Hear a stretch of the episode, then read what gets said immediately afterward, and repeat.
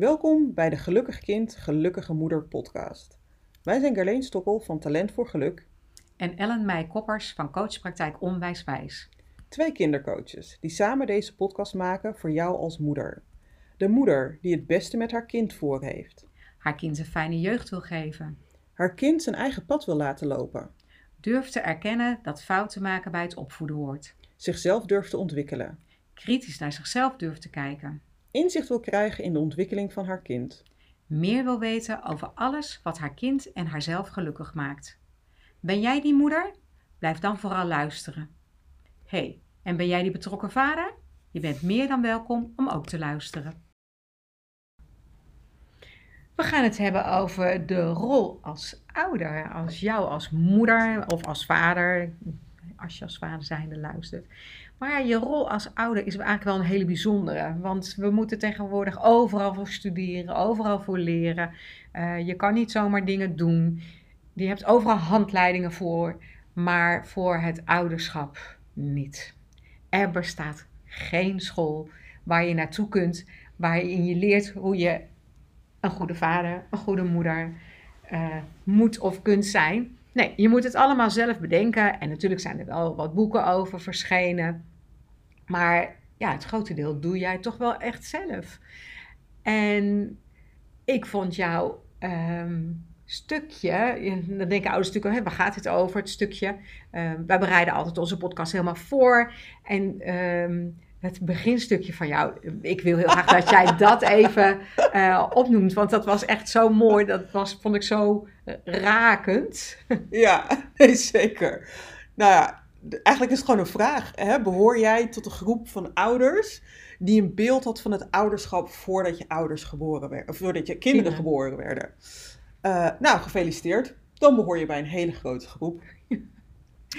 maar is die wens ook uitgekomen? Hoe bewust ga je ermee om met het ouderschap? Er zijn veel verschillende ouderschapstijlen. En er zijn eigenlijk nog meer ingrediënten dan ouderschapstijlen die jouw ouderschap bepalen. Denk hierbij aan je cultuur, je eigen mm. opvoeding, je wensen en je verlangens, uh, je waarden, je karakter, maar ook zeker het karakter van je, kind. kind. Ja.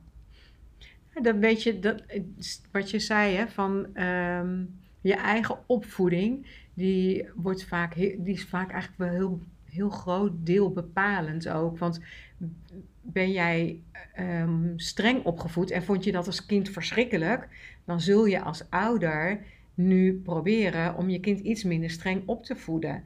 Of ben je juist opgevoed, uh, vond je dat juist heerlijk, hè? streng opgevoed worden, omdat het zo duidelijk de lijnen aangaf? Dan uh, zul je geneigd zijn om dat dan ook sneller nu toe te passen. En ik vind het zo mooi dat je zegt dat, het, dat je kind eigenlijk heel bepalend is en ook wel een beetje de leidende factor daarin is. Um, want ik, weet je, ze zeggen altijd van ja, er is geen verschil tussen mijn kinderen. Ik voed ze hetzelfde op. En dan denk ik altijd dat dat bedoeld wordt uit een goed hart. Hè? Van er mag geen verschil zijn tussen mijn kinderen, want ze zijn me alle twee even lief. Maar ik denk altijd, als jouw kinderen je alle twee even lief zijn, dan moet je ze juist verschillend opvoeden. Omdat het ene kind soms iets heel anders nodig heeft dan het andere kind. Ja, dat ben ik wel helemaal met je, met je eens. En ergens snap ik het wel, hè? want zoals ik hem interpreteer, gaat het echt over voortrekken, gaat het over ongelijke behandeling. En als je dat gaat hebben over tot hoe laat mag jij stappen, hoeveel snoepjes mag mhm. je, uh, hoe laat mag je naar bed als je zeven bent, dan snap ik dat je, ik Dat, je daar ja, dat gelijk wilt trekken. Maar inderdaad, uh, ook even terug refereren naar de vijf talen van de liefde. Ja, ene kind kan misschien een hele andere liefdestaal hebben dan, dan je andere kind. Moet je ze dan allebei aanspreken in dezelfde liefdestaal? Nou, ik denk dat het dan juist aan jou is om ieder kind in zijn of haar primaire liefdestaal aan te spreken. Zeker weten, ja. Want daardoor groeit het kind. En daardoor groei jij natuurlijk ook weer als ouder. En dat is denk ik ook wel een heel mooie wisselwerking hè, tussen het kind en jou. Want uh, vaak spiegelen kinderen ook gedrag uh, waar jij misschien nog iets mee zou kunnen of mogen doen als ouder. En ja, dat is natuurlijk een beetje dat systemisch werk. Daar gaan we het in een andere podcast nog een keer over hebben. Maar ja, dat is, zegt wel heel veel ook. Dus kijk ook goed naar je kind. Wat heeft jouw kind nodig? Of wat zegt het kind eigenlijk tegen mij als ouder? En dat sluit ook een beetje aan bij onze vorige podcast. Hè? We hebben het over verhalen gehad. Ik wil hem wel iets breder trekken. Je zou ook de opvoeding kunnen zien als verhaal. En daar ook met elkaar in gesprek over gaan. Je kind heeft namelijk echt wel, echt wel ideeën daarover en echt wel wensen daarover. En ik zeg altijd, je mag altijd met kinderen in gesprek. Ik ben daar sterker nog een groot voorstander van. Inspraak oké, zeggenschap nee. Dus uiteindelijk ben jij als ouder wel degene die, die dat besluit neemt en, en, uh, en daarnaar handelt. En dat klinkt misschien een beetje autoritair, dat bedoel ik helemaal niet zo. Maar kinderen hebben niet een brein wat zo ontwikkeld is als dat jij hebt als ouder. Dus die kunnen niet alle gevolgen overzien. Dus vandaar dat het heel belangrijk is als ouder dat jij ook wel de kaders schept en de grenzen schept. En daarbinnen kan je met elkaar echt wel ehm, kijken van oké, wat is er nodig? Hoe, hoe gaan we dit met elkaar doen? Ja, en dat geldt zeker voor pubers.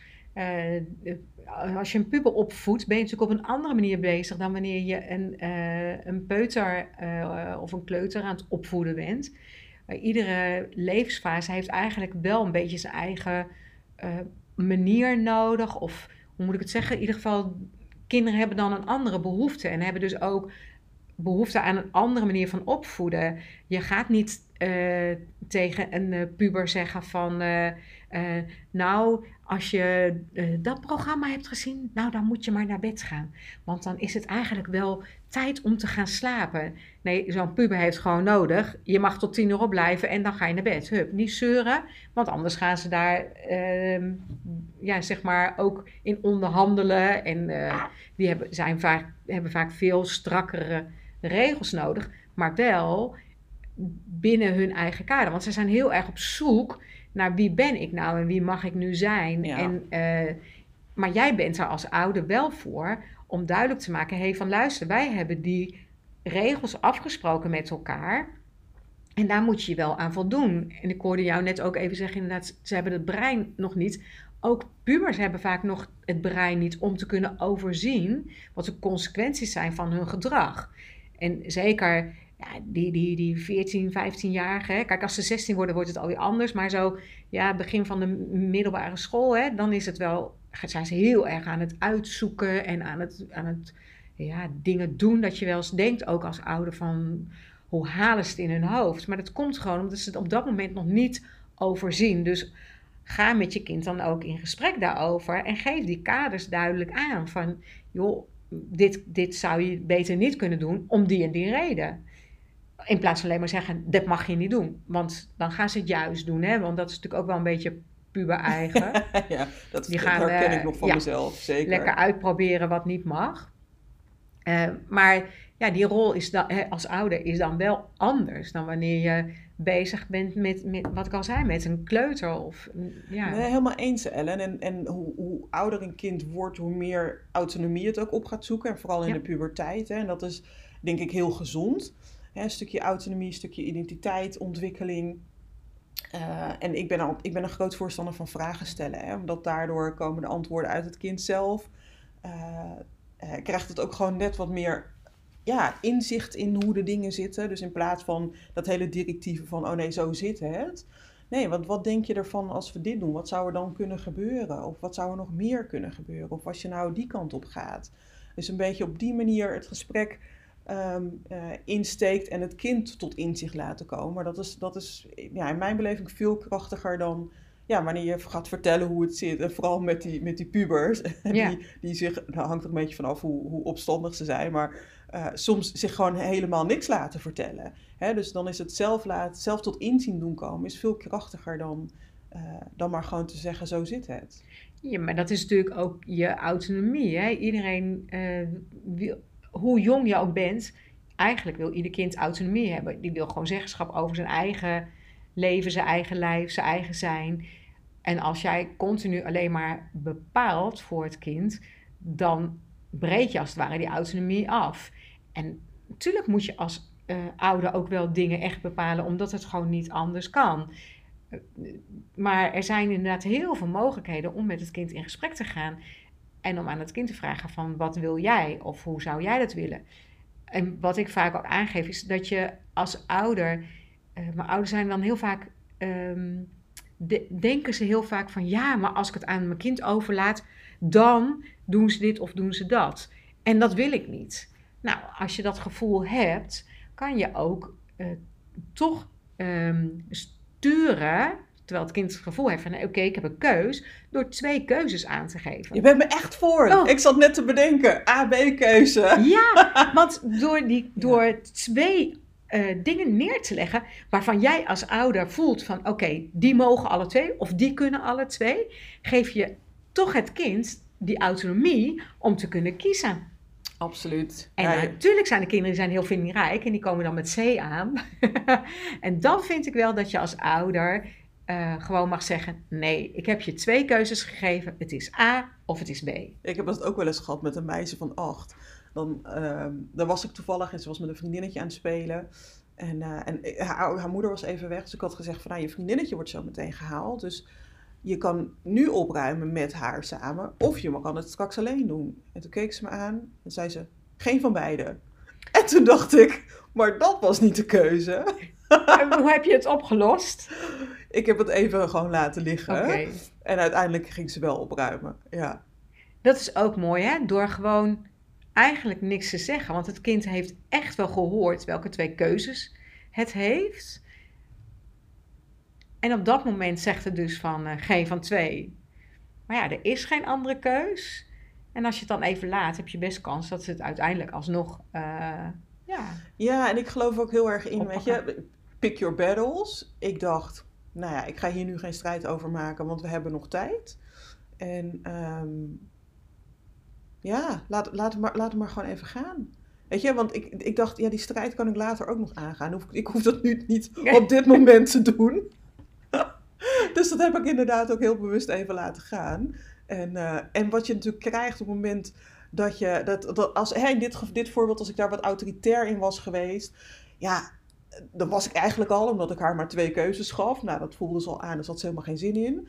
Ja, dan had ik nog meer weerstand gekregen, weet je. En, en, hoe groot is de kans dan dat ze dan had opgeruimd? Dan had ze het misschien op een later moment ook niet gedaan. Nee. Dus ik had echt zoiets van, oké, weet je, ze is nu nog aan het spelen, de moeder is nog niet terug, dat vriendinnetje is ook nog niet opgehaald, het is nu nog niet aan de orde. We kijken zo meteen wel. Mm Ja. Ja, en wat vind jij van ehm, uh, adviezen die uh, ouders elkaar altijd geven? Dat hangt er vanaf of het gevraagd of ongevraagd is. Vind ik een heel groot verschil. En ongevraagd advies vind ik. Als ik naar mijn persoonlijk kijk, ik heb natuurlijk geen kinderen, maar als, ik, als iemand mij ongevraagd advies geeft over iets anders of feedback geeft, hangt het heel erg vanaf wie het is en hoe dichtbij iemand bij mij staat. Mm -hmm. maar ongevraagd advies, ik, ik vind dat nou, ik wilde bijna zeggen gevaarlijk. Ik weet niet of dat het goede woord is, maar het, het, het kan echt als een aanval aanvoelen, weet je wel. Dus ik, ik, ik denk dat we daar echt voorzichtig mee mogen zijn. En persoonlijk, ik denk dat ik dat niet zo, niet zo heel veel doe. Ik vraag vaak toestemming van, goh, er valt me iets op. Mag ik iets zeggen? Mag ik, hè? Ik, ik, hm. heb, ik heb een suggestie. Mag ik die geven? In plaats van, hé, hey, maar zou je dit niet zo of zo, zo, zo beter kunnen doen? Um, dus op die manier vraag ik toestemming. Dus dan is het eigenlijk al geen ongevraagd advies meer. Maar ik vind het, wat ik net zei, ik vind het heel precair. Dat, ja, het is zo persoonlijk. Het komt zo dichtbij, het ouderschap. Als je dan ongevraagd advies gaat geven. En nogmaals, het is natuurlijk, hè, dit is een algemene vraag, dus iedere context ontbreekt. Hmm. Um, en nog, dat heeft, dat heeft en alles te maken met context en alles te maken met, met de persoon en hoe, hoe dichtbij is, nabij is die persoon. En nogmaals, dat is voor mij persoonlijk. Hè. Sommigen vinden het geen probleem. Maar ik denk dat daar het ook heel erg in zit.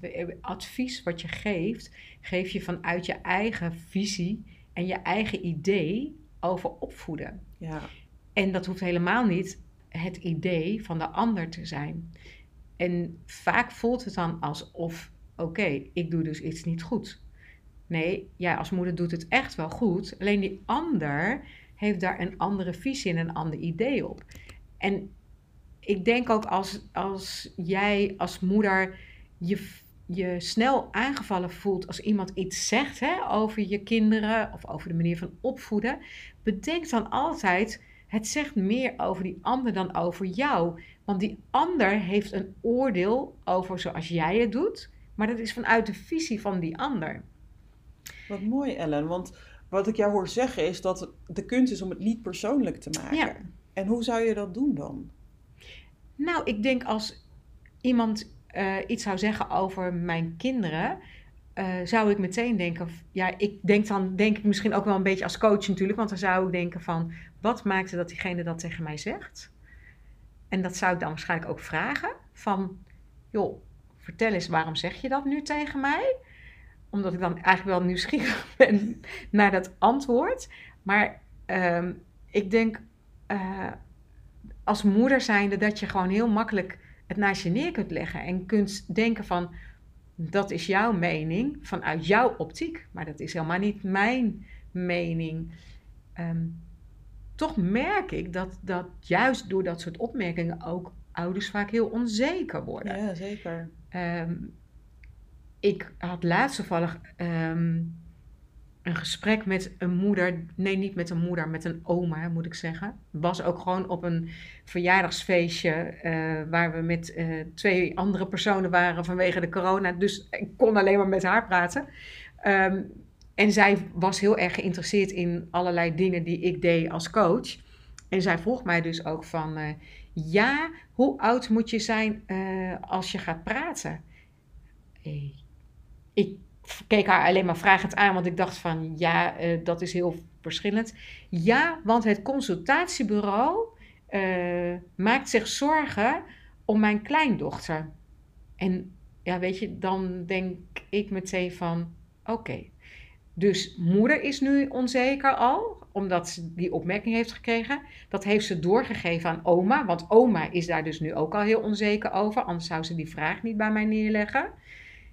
En dan denk ik, moet je kijken wat zo'n opmerking dan al doet. Hè? Wat dus hè, wat zo goed bedoeld advies misschien wel van, ik weet ook niet in welke context het natuurlijk gezegd is. Um, maar ja, bij het consultatiebureau wordt wel vaak alle kinderen langs een bepaalde meetlat gelegd. En als jouw kind daar niet aan voldoet, krijg je dat meteen te horen. En dan denk ik, ja, maar ieder kind ontwikkelt zich op zijn eigen uh, manier. Dus ik zei tegen die oma, ik zeg, joh, weet je, daar is geen standaard voor. Ieder kind doet het op zijn eigen manier. En de ene is wat sneller met lopen en de ander is wat sneller met praten. En de volgende is met alle twee wat langzamer en is ineens een, een, een, een peuter die al zonder zijwieltjes fietst, om, om maar iets te noemen. En je zag echt die oma zo, oh, oh, ja. oh, oké. Okay. Ja, want lopen, ze kan heel goed lopen. Uh, en toen dacht ik, ja, weet je, je kan maar er, ergens je energie aan besteden als kind zijnde. en dat kan dus adviezen uh, ook met zich meebrengen. Dat ja. jij in de rol als als ouder heel onzeker wordt. En eigenlijk mag je op dat moment het ook naast je neerleggen. Want wie, wie bepaalt de norm? Ja. ja, en dat niet alleen, weet je. Want stel dat hè, in dit specifieke voorbeeld dat kindjes laat met, met praten. Ik heb ook wel eens, uh, had ik een jongetje die ik coachte op een school. En die had een klasgenootje die sprak pas toen hij acht was. Ja, dat is, dat is wel echt laat. Ja. Um, maar dit jongetje, als ik met hem sprak, die juf had wat mij verteld, dat hij pas op zijn achtste sprak. En ik dacht, wat? Als ik nu met hem praat, ik had echt, ik had nooit kunnen raden. Nooit. Omdat hij gewoon helemaal bij was, goede vocabulaire had. Weet je, gewoon heel normaal, hartstikke leuk kind. Weet je, dus ook al is het kind, ja, volgens de norm loopt het achter op de ontwikkeling. Dat wil niet zeggen dat het niet meer rechtgezet kan worden. Dus, ja. Nee, en daarbij komt ook nog heel veel meer begaafde kinderen gaan pas praten als ze het goed kunnen. Ook dat, ja. Weet je, dat ja. is ook al zo'n. Uh, dus ja, maak je daar als ouder denk ik ook niet te snel uh, zorgen om. Want die zorgen, die, die, die voel jij, die neem je mee. En onbewust draag je die ook weer over eigenlijk op je kind. Waardoor het kind eigenlijk voelt van, oh, er is niet ook iets oké okay met mij. En dat doe je allemaal niet bewust, maar het gebeurt wel. En ik, ja, in die zin vind ik ook van eh, adviezen. Hè? Natuurlijk, als je met alleen maar vrouwen onder elkaar zit en, en je hebt het over de opvoeding, kan je best wel daar met elkaar over in gesprek gaan. Net zo goed als dat wij dat nu doen. Maar bedenk altijd wel als moeder zijnde of als vader zijnde dat je je kind op je eigen manier mag opvoeden. En zolang je het in liefde doet en met liefde doet, is het altijd oké. En daar zit wel voor mij de rol, hè, rol als ouder, zit met, voor mijn gevoel heel erg in dat stuk liefde. Ja. Dat stuk geborgenheid wat kinderen bij je moeten kunnen voelen. Eh, de liefde die je voor ze hebt. Ehm, ja, dat je er echt voor ze bent. Dan kan je best wel uh, wat missers maken. Ja, absoluut hè. En nou, we hebben het er net over gehad. Wat ik, hè, jij, jij noemde het ongevraagd advies. En wat ik lastig vind is dat, dat iedereen eigenlijk overal wel een mening over heeft. Ik, ik, ben daar zelf, ik heb zelf ook overal een mening over. Um, en, en vooral als we het gaan hebben over mening over het ouderschap, gaat het over, over het ouderschap van een ander vooral. Hè? Mhm. Ehm, en ik denk gewoon, hè, wat je zei, het, dat maakt dat het gewoon een van de meest onzekere taken is die we in dit leven eh, doen. Je zei terecht al van er is geen opleiding, er is geen scholing voor. Je krijgt een kind en uh, ja, uh, succes. zorg maar dat je het goed doet. Ja. ja, dat maakt het natuurlijk wel gewoon heel, heel lastig.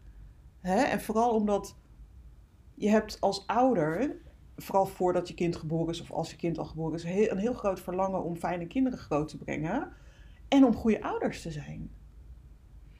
Ja. En, maar wat is de, bestaat, bestaat de goede moeder? Nou, ik denk het wel. Ik denk het wel.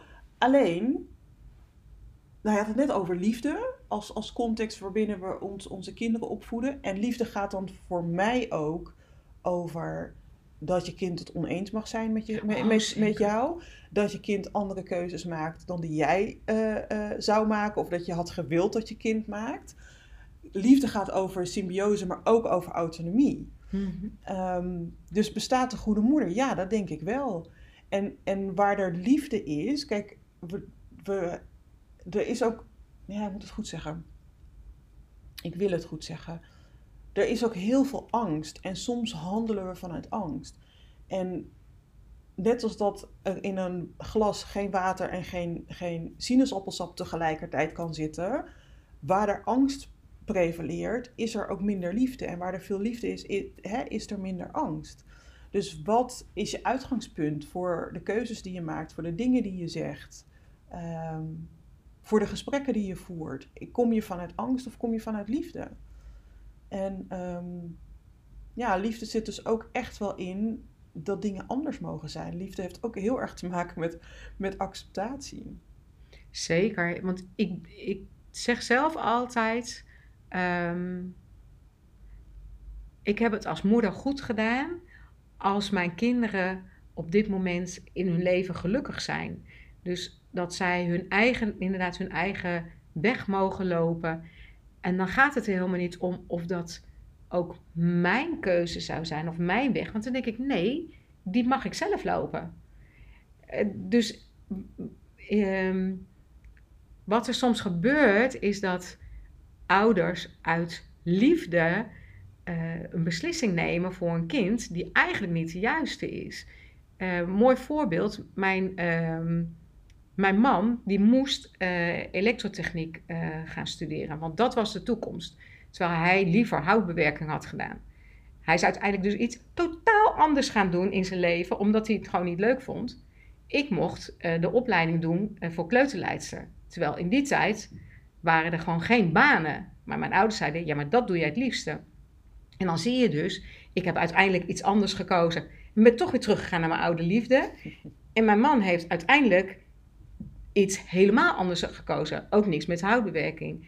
Omdat hij die liefde niet heeft kunnen ontplooien verder. Dus hij heeft voor iets anders gekozen. Maar dan denk je, beide ouders hebben uit liefde gehandeld. Zeker. En ja, ja alleen. En, uh, dus daar zit wel een verschil in. Je kunt uit liefde handelen, maar heel rationeel gedacht. Want op dat moment hebben zij rationeel gedacht. Ehm, en het zijn hele warme, liefdevolle eh, mensen. Ehm, maar weet je, als je te veel bedenkt van wat goed voor jouw kind is, zonder te vragen van, uh, komen we weer terug, hè, eh, de, het gesprek aangaan met je kind, zonder eigenlijk te vragen, maar wat wil jij nou? Mag, ik, mag ik daar even op reageren? Ja. Want is het dan liefde of is het angst bedekt met een laagje liefde? Oh. Als je het zo op dit moment zegt, denk ik eerder dat laatste. Angst dat je kind uh, geen. Uh, of nou ja, ik weet niet. Is het angst dat je kind geen goede baan vindt? Of is het juist liefde dat je je kind een hele goede baan gunt. Uh, waarin het zelf een eigen huishouden kan draaiend houden? Ja, ja omdat ik denk eigenlijk een beetje dat het, dat het angst is. En vanuit die angst zit heel erg het verlangen dat je kind een, een, een gezin draaien kan houden. En dat hij, dat hij voor zijn vrouw en zijn kinderen uh, kan zorgen, zeg maar. Hmm. Ik zit er zelf ook even over na. Ik zit er zelf ook even over na te denken hoor. Maar ik vind, hem, ik vind hem wel heel fascinerend inderdaad. We hebben het net heel even gehad over vertrouwen. Dat je mag vertrouwen erop dat je kind de juiste keuzes maakt. En uh, dat de dingen ook echt wel goed komen. Um... Ja, en als ze niet goed komen, uh, dan is het nog steeds, denk ik tenminste, dat die hobbel die ze dan moeten nemen, dat ze daar alleen maar van groeien. Zeker. Weet je, je um, we hebben het wel eens gehad over curlingouders. Hè? Uh, dat zijn de ouders die het uh, pad helemaal voor je glad maken en strijken, zodat jij als kind daar heel makkelijk overheen kunt glijden. Maar in feite leer je daar minder van dan wanneer je af en toe eens een flinke hobbel moet nemen als kind. Ja. En zo'n zo'n gladgestreken pad, is dat niet alleen maar glad, dan ga je er niet alleen maar onderuit, denk ik nu. Ja, mooi. En als je dan onderuit gaat, dan ga je ook flink hard onderuit. En dat doet echt pijn, ja, wilde ik zeggen. Ja, dat doet heel erg pijn. Terwijl als je pad al hobbelig is, ga je veel minder hard onderuit. Ja. En val je misschien wel zachter op een hobbeltje mos. Ja, precies. Ik zat er net aan te denken. Ik zat er net aan te denken. Ja. Nee, maar dus daar zit, ja, ja, ik weet niet. Maar ik vind de rol van jou als, als ouder um, heeft ook nog een extra dimensie als je jezelf ook ziet als uh, werknemster of werkgeefster, kan natuurlijk ook. Je kan ook een, een bedrijf hebben. Maar uh, hoe voel jij je dan in de rol als moeder? Kun jij dat buiten de deur zetten? Hè? Van oké, nu ben ik echt even werknemer of werkgever. In ieder geval in, in, een werkende rol. En um, ja, um, ik, ik denk even niet aan mijn kinderen. Of ben jij in je achterhoofd altijd nog met je kinderen bezig. daar zit, daar is, ja, dat vind ik eigenlijk wel. Denk daar eens over na, hè, hoe dat voor jou is als moeder, als luisteraar. Ehm, en of je daar ehm, ook zelf tevreden mee bent. Want dat is het vaak. Ook hierin zal de ene zeggen van. Ehm, nee, mijn kinderen spelen altijd een rol in. Hè, als ik met mijn werk bezig ben, ehm, dan kijk ik op mijn klok en dan zie ik, oh, het is kwart over tien. Oh, ze hebben nu uh, uh, pauze. Ze zijn lekker buiten aan het spelen. Uh, of ben jij degene die ineens bedenkt, oh, het is vijf uur. Oh, ik moet schaf op dagverblijf ophalen, want anders dan gaan de deuren dicht. denk eens voor jezelf van, oké, wat voor soort moeder ben ik? En ben ik daar tevreden mee? Want dat is belangrijk, dat je er zelf tevreden mee bent. Wat een ander daarvan vindt, daar gaat het niet om. Maar wat vind jij daar zelf van? En als jij daar niet tevreden mee bent, dan is het inderdaad wel een uh, zaak van wat ga je eraan doen? En hoe ga je ervoor zorgen dat het oké voor jou gaat voelen? Want ja, als moeder en als jij dan op je werk bent, je, bent, je, je, je blijft altijd moeder. Je kunt niet zeggen, oké, nu stop ik even met moeder zijn. um, dat kan niet. Hè? Je, je, je bent, e-, je, als je een kind op de wereld uh, hebt gezet, dan ben je moeder en dan blijf je moeder. Maar um, je kan wel bedenken van hoe ga ik daarmee om? Hoe ga ik met mijn moederschap om? Of met mijn ouderschap? En wat mij vaak opvalt, is dat vaders ehm, vaak sneller de schakeling maken en vaak sneller denken van ja, maar ik ben nu even niet beschikbaar, dan dat moeders dat doen. En zeker in deze tijd waarin veel thuis gewerkt moet worden en als je kind dan ook nog uh, um, in quarantaine thuis is of omdat de scholen dicht zijn uh, thuis is, hoe ga jij dan om met die rol? Um, denk ja. daar eens voor jezelf over na. Zeker. En ik denk persoonlijk dat, dat los van de rol als ouder, hè, want die heb je sowieso en, en daar geef je zelf invulling aan, ben ik volledig met je eens. Maar wat wil jij dat de uitkomst is van jouw ouderschap, van je moederschap of van je vaderschap? Stel je voor, je hebt 18 jaar de tijd om je kinderen groot te brengen. Nou, over het algemeen heb je iets meer invloed, omdat kinderen vaak wat langer thuis blijven wonen. Um, maar hoe wil jij dan dat je kinderen zijn? Wat wil je dan dat je kinderen kunnen? En wat wil je dan dat ze bijdragen? Weet je, als jij jouw uitkomst als, als ouder of als moeder of als vader helder hebt, dan is dat eigenlijk de kapstok waarop je alles in de opvoeding ophangt. Ja, en dat maakt ook dat je weerbaarder bent uh, tegen de meningen van anderen. Tegen de ongevraagde adviezen van anderen. Hè? Jij weet tenslotte waar je naartoe wilt. En eigenlijk is dat een soort van, um, ja, je Google Maps zal ik maar even zeggen. Fijn Mooi. dat je naar onze podcast hebt geluisterd. Speciaal voor jou hebben wij een verrassing.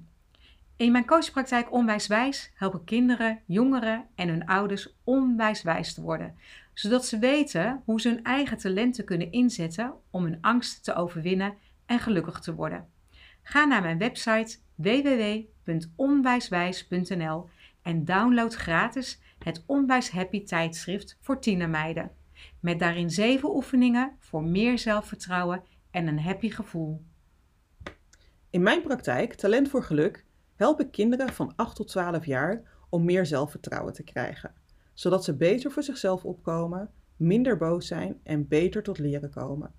Mijn grootste wens is een generatie die niet hoeft te herstellen van hun jeugd. En dat is waar ik me voor inzet binnen mijn praktijk. Ga naar mijn website www.talentvoorgeluk.nl en download de gratis gelukspiekbrief. In deze spiekbrief vind je zeven gemakkelijke stappen die je kind kan doen om meer zelfvertrouwen en geluk te hebben. Tot, de volgende podcast! Tot de volgende podcast!